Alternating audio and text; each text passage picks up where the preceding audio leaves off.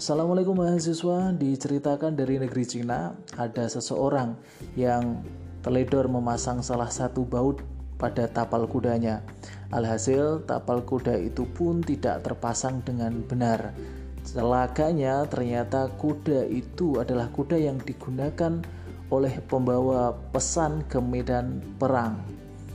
Pesan itu berisi instruksi dari pimpinan kepada pasukannya di medan peperangan. Gara-gara kuda itu tidak bisa berlari dengan baik, maka pesan itu pun terlambat datang ke medan perang. Gara-gara pesan yang terlambat datang, maka pasukan itu pun kehilangan arah karena tidak tahu instruksi apa yang diberikan oleh komandannya. Gara-gara kehilangan arah, maka pasukan itu pun akhirnya kalah, dan kekalahan itu pun membuat banyak dari mereka yang akhirnya mati dalam peperangan. Nah, berawal dari baut tapal kuda yang tidak terpasang dengan baik, membawa akibat yang luar biasa, yaitu terbunuhnya banyak pasukan perang, mengakibatkan kalahnya satu pasukan perang. Kisah ini memberikan gambaran kepada kita bahwa bagian-bagian terkecil dalam suatu sistem memberikan kontribusi yang besar bagi keseluruhan sistem. Setiap hal-hal yang kompleks itu sebenarnya disusun dari hal-hal yang nampak sederhana, maka kita tidak bisa menganggap sepele bagian-bagian dari suatu sistem yang kompleks itu. Nah, apa itu sistem? Sistem adalah sekumpulan komponen yang saling berhubungan, berinteraksi, dan bekerja sama secara teratur untuk tujuan tertentu. Jika kita identifikasi, maka tiga karakteristik utama dalam sebuah sistem yaitu adanya sekumpulan komponen, kemudian adanya interaksi antar komponen dalam sistem itu, dan terakhir adanya tujuan dari sebuah sistem, maka bisa kita katakan sebenarnya pendidikan merupakan sebuah sistem sekolah merupakan sebuah sistem dan pembelajaran merupakan sebuah sistem. Maka ketiganya perlu didekati menggunakan pendekatan sistem. Perencanaan pendidikan akan terarah, terstruktur, dan sistematis bila pendidikan dipandang sebagai sebuah sistem. Adanya fakta mutu pendidikan kita yang kurang memuaskan di latar belakangi salah satunya adalah akibat penerapan pendekatan yang monodisipliner. Pendekatan yang melihat bagian-bagian dari sistem pendidikan, komponen-komponen dari sistem pendidikan secara terpisah, dianggap berdiri sendiri-sendiri dan tidak terkait satu sama lainnya. Alhasil, perbaikan-perbaikan yang dilakukan tidak memberikan hasil yang maksimal, tidak benar-benar bisa meningkatkan kualitas dan mutu pendidikan. Sekolah merupakan suatu sistem yang kompleks karena terdapat sangat banyak komponen yang saling berinteraksi, saling mempengaruhi penyelenggaraan pendidikan di sekolah. Pembelajaran pun perlu dipandang sebagai sebuah sistem Cara pandang ini akan mengarahkan kita pada proses perencanaan pembelajaran secara terstruktur dan sistematis. Pendekatan sistem dalam pembelajaran sering kali diterjemahkan sebagai prosedur yang dirancang untuk menciptakan merekayasa sebuah pembelajaran yang efektif dan efisien. Tahukah kamu apa bedanya efektif dan efisien? Hmm, tulis jawabanmu di kolom komentar ya. Nah, jika kita memandang pendidikan atau pembelajaran sebagai sebuah sistem, maka kita bisa mengidentifikasi adanya banyak komponen yang menjadi input yang saling berinteraksi dan mempengaruhi hasil belajar, mempengaruhi capaian pembelajaran atau learning outcome-nya. Komponen pertama dalam sistem pendidikan ataupun pembelajaran adalah peserta didik. Nah, kita mesti melihat peserta didik secara utuh tidak hanya melihat kondisi fisiknya saja, tetapi kita juga perlu melihat kondisi psikologisnya. Siap tidak dia menerima pembelajaran? bagaimana karakteristiknya, bagaimana minatnya, bagaimana bakatnya. Ketika kita ingin melaksanakan pembelajaran, kita perlu melihat kondisi peserta didik secara seksama, ya fisiologisnya, karena eh, bisa jadi dalam satu kelas itu memiliki keragaman fisik, memiliki fisik yang berbeda-beda mohon maaf misalnya ada anak yang berkebutuhan khusus yang dia memiliki keterbatasan gerak ataupun dia memiliki keterbatasan fungsi organ tubuh, anggota tubuhnya, maka dia juga harus masuk dalam pertimbangan ketika menyusun pembelajaran. Kondisi psikologis siswa juga sama, kita harus perhatikan. Tidak harus uh, ada siswa yang bermasalah secara psikologis. Tetapi kita perlu benar-benar memperhatikan misalnya uh, kelas yang kita temui di siang hari tentu kondisi psikologis siswanya berbeda dengan kelas yang kita temui di pagi hari. Kita juga perlu melihat kondisi dalam cakupan yang lebih luas misalnya kondisi sosialnya kondisi ekonominya kondisi budayanya. Saya uh, ingin memberikan contoh misalnya gini banyak terjadi dalam pembelajaran pendidikan agama Islam, guru memaksakan cara pandang beragamanya kepada siswa. Ini tentu mengabaikan kondisi sosial, kondisi budaya dari masing-masing siswa, kondisi latar belakang keagamaan misalnya. Tidak semua siswa memiliki latar belakang corak keagamaan yang sama. Sebut saja misalnya ada siswa yang latar belakang keagamaan orang tuanya Muhammadiyah, ada yang NU, ada yang MTA, ada yang LDII dan yang lainnya. Nah, guru harus peka, guru harus mempertimbangkan kondisi itu.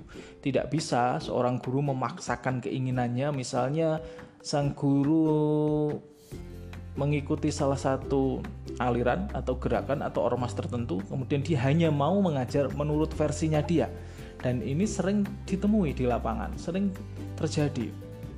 Saya pernah mendengar keluhan sebagian mahasiswa yang mereka mendapatkan nilai jelek gara-gara ketika ujian praktek ibadah sang dosen menggunakan standar penilaian menurut ormas yang dia ikuti saja sehingga ketika ada mahasiswa yang praktek menggunakan versi yang berbeda langsung dianggap salah atau diberikan nilai yang jelek. Nah, ini contoh yang tidak baik. Sebagai seorang guru maupun dosen atau pendidik dalam segala jenjang pendidikan mesti bersikap toleran, bisa menerima keragaman praktek beragama. Sebagai permisalan saja, ketika praktek sholat subuh, maka dosen harus terima ketika ada yang menggunakan kunut, ada yang tidak menggunakan kunut, atau ada yang menggunakan niat secara uh, dilafalkan maupun niat secara batin. Hal-hal seperti ini, hal-hal yang menjadi khilaf di antara para ulama itu sudah selesai dan tidak mungkin bisa diselesaikan oleh orang-orang di masa sekarang. Maka itu harus diterima sebagai kondisi yang tidak terelakkan, maka guru harusnya menyikapi itu dengan baik. Nah, dalam menyusun perencanaan pembelajaran, hal seperti ini sekali lagi penting untuk diperhatikan. Nah, maka guru juga perlu memiliki penguasaan fikih yang baik, memiliki penguasaan tentang perbedaan pendapat dalam berfikih maupun praktek beragama secara luas. Komponen input selanjutnya setelah peserta didik adalah pendidik. Nah, pendidik merupakan komponen yang sangat penting dalam pelaksanaan pembelajaran. Apa pun kurikulumnya, siapa pun menterinya, sebenarnya tidak banyak berpengaruh ke dalam proses pembelajaran di kelas. Tidak lebih berpengaruh daripada keberadaan guru di kelas itu. Nah, sayangnya berdasarkan hasil UKG tahun 2020, ini adalah UKG terakhir yang sudah dilaporkan dalam neraca pendidikan daerah bisa diakses di website npd.kemendikbud.go.id. Nah, dalam rekomendasinya dituliskan bahwa guru belum memahami dan belum banyak mengetahui teori, metode, dan teknik mengajar. Rekomendasi kedua menyatakan bahwa kompetensi guru belum sesuai dengan kebutuhan KBM, mutu dan kompetensi guru rendah. Yang ketiga adalah kompetensi pengusahaan IT masih rendah. Dan yang terakhir, rekomendasi dalam neraca pendidikan daerah itu menyebutkan bahwa aktivitas KKG dan MGMP di kabupaten atau kota belum dilaksanakan secara maksimal. Singkat kata, banyak daerah yang memiliki UKG lebih rendah dari rata UKG nasional. Dan ini adalah hal yang tidak baik untuk pendidikan kita. Seorang pendidik baik itu seorang guru maupun dosen haruslah memiliki kompetensi yang baik. Kompetensi itu meliputi kompetensi pedagogik, kompetensi kepribadian, kompetensi sosial dan kompetensi profesional. Sebagai seorang mahasiswa di Fakultas Pendidikan, sebagai seorang calon guru, kalian hendaknya juga benar-benar mempersiapkan diri, menguatkan, mematangkan kompetensi-kompetensi tersebut. Nah, komponen selanjutnya dalam sistem pembelajaran adalah tujuan pembelajaran. Tujuan pembelajaran merupakan deskripsi mengenai tingkah laku atau kinerja yang diharapkan dapat dicapai oleh peserta didik setelah pembelajaran dilakukan. Tujuan pembelajaran ini menjadi acuan utama, menjadi acuan pokok bagi pendidik dalam mengelola keseluruhan proses pembelajaran, dalam menetapkan pengalaman belajar yang tepat bagi peserta didik, dalam menentukan apa saja yang perlu dilakukan di dalam kelas. Nah, tujuan pembelajaran ini akan sangat menentukan komponen yang selanjutnya, yaitu metode pembelajaran metode merupakan cara yang digunakan pendidik eh, dalam menyajikan materi pembelajarannya untuk mencapai tujuan yang sudah ditetapkan. Metode akan sangat terikat erat dengan elemen-elemen dalam sistem pembelajaran yang lainnya, yakni strategi pembelajaran, pendekatan pembelajaran, dan model pembelajaran. Satu hal yang pasti yang harus digarisbawahi bahwa tidak ada metode pembelajaran yang sempurna, yang baik untuk dalam segala kondisi. Maka menjadi tidak tepat ketika guru menggunakan satu model pembelajaran saja atau satu metode pembelajaran saja diberlakukan untuk semua kelas. Ini menunjukkan bahwa guru tidak melakukan perencanaan pembelajaran dengan baik. Karena nyaris mustahil jika semua kelas memiliki karakteristik siswa yang sama, kondisi yang sama. Setidak-tidaknya tidaklah mungkin semua kelas itu diajar dalam waktu yang sama. Nah, perbedaan waktu pun akan mempengaruhi perbedaan dalam proses pembelajaran. Maka hendaknya guru sekali lagi memahami bahwa perencanaan pembelajaran harus benar-benar didasarkan pada kondisi real kelas yang akan dia ajar. Tidak mungkin semua kelas itu sama persis kondisinya sehingga bisa diterapkan bisa diajar menggunakan model pembelajaran yang sama. Elemen yang selanjutnya adalah media pembelajaran. Media merupakan segala bentuk atau saluran yang digunakan untuk menyalurkan pesan atau informasi.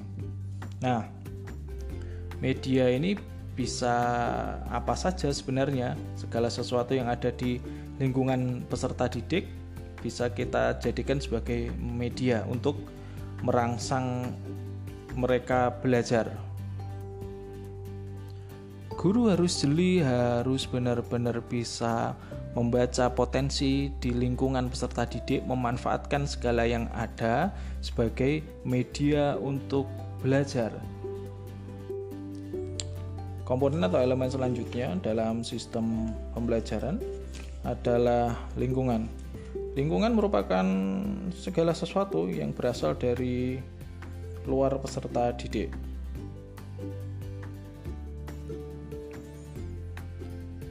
Lingkungan peserta didik bisa bermakna lingkungan fisik, misalnya cuaca atau kondisi ruangan. Di AC itu ada AC-nya atau tidak kan bisa mempengaruhi kondisi udara di kelas itu. Kelas yang panas banget dengan kelas yang sejuk dingin tentu bisa berbeda efeknya.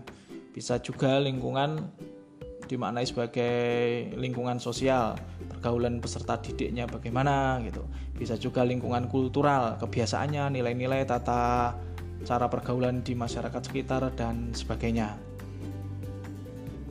Nah, yang terakhir adalah yang merupakan elemen atau komponen dalam sistem pembelajaran adalah pembiayaan. Nah, pembiayaan pendidikan ini faktor penting juga dalam pendidikan, termasuk dalam proses pembelajaran. Karena adanya biaya pendidikan yang memadai, akan memungkinkan satuan pendidikan untuk merencanakan atau melaksanakan berbagai kegiatan pengembangan sekolah, termasuk pengembangan pembelajaran yang bermutu. Misalnya kalau sekolah dengan biaya pendidikan yang mahal itu jutaan itu sekolah-sekolah internasional yang setahun bisa bayar 100 juta, 50 juta itu tentu ketika melakukan perancangan perancangan pembelajaran bisa lebih fleksibel karena misalnya jika mau mengadakan manasik haji itu nggak harus membuat Ka'bah palsu di dalam kelas kemudian muter-muter di situ bisa langsung datang ke tempat manasik haji atau bahkan kalau memungkinkan karena sekolahnya biayanya mahal itu bisa langsung diajak umroh sekelas itu datang ke Mekah langsung praktek sana umroh melihat Ka'bah secara langsung gitu. Apakah mungkin? Ya mungkin saja karena ada sekolah yang benar-benar biaya pendidikannya itu sangat tinggi sehingga memungkinkan untuk melakukan hal-hal seperti itu dan saya pernah itu melihat video ya, di internet praktek uh, tawaf itu ya benar-benar pergi ke Ka'bah ke sana gitu. Jadi itu sangat mungkin. Lain halnya juga sekolahnya sekolah yang biaya pendidikannya murah gitu ya. Ya sudahlah disesuaikan perencanaannya jangan yang aneh-aneh, jangan yang membutuhkan biaya yang tinggi. Komponen yang terakhir atau elemen yang terakhir dalam sistem pembelajaran adalah penilaian. penilaian yang objektif, yang komprehensif dan berkelanjutan eh, selain dapat memberikan informasi mengenai pencapaian tujuan pembelajaran juga bisa memberikan informasi mengenai kualitas rancangan dan pelaksanaan pembelajaran. Jadi, nilai itu juga bisa memberikan gambaran apakah rancangan pembelajaran kita bagus atau tidak. Perlu diingat bahwa penilaian hasil belajar itu tidak hanya nilai kognitif, tetapi juga nilai sikap dan nilai keterampilan. Nah, itulah elemen-elemen atau bagian-bagian yang perlu diperhatikan ketika guru menyusun atau merancang pembelajaran. Dengan memperhatikan hal-hal yang tadi, diharapkan guru bisa membuat perancangan pembelajaran yang bagus, yang baik. Demikian semoga bermanfaat. Selamat merayakan ilmu pengetahuan.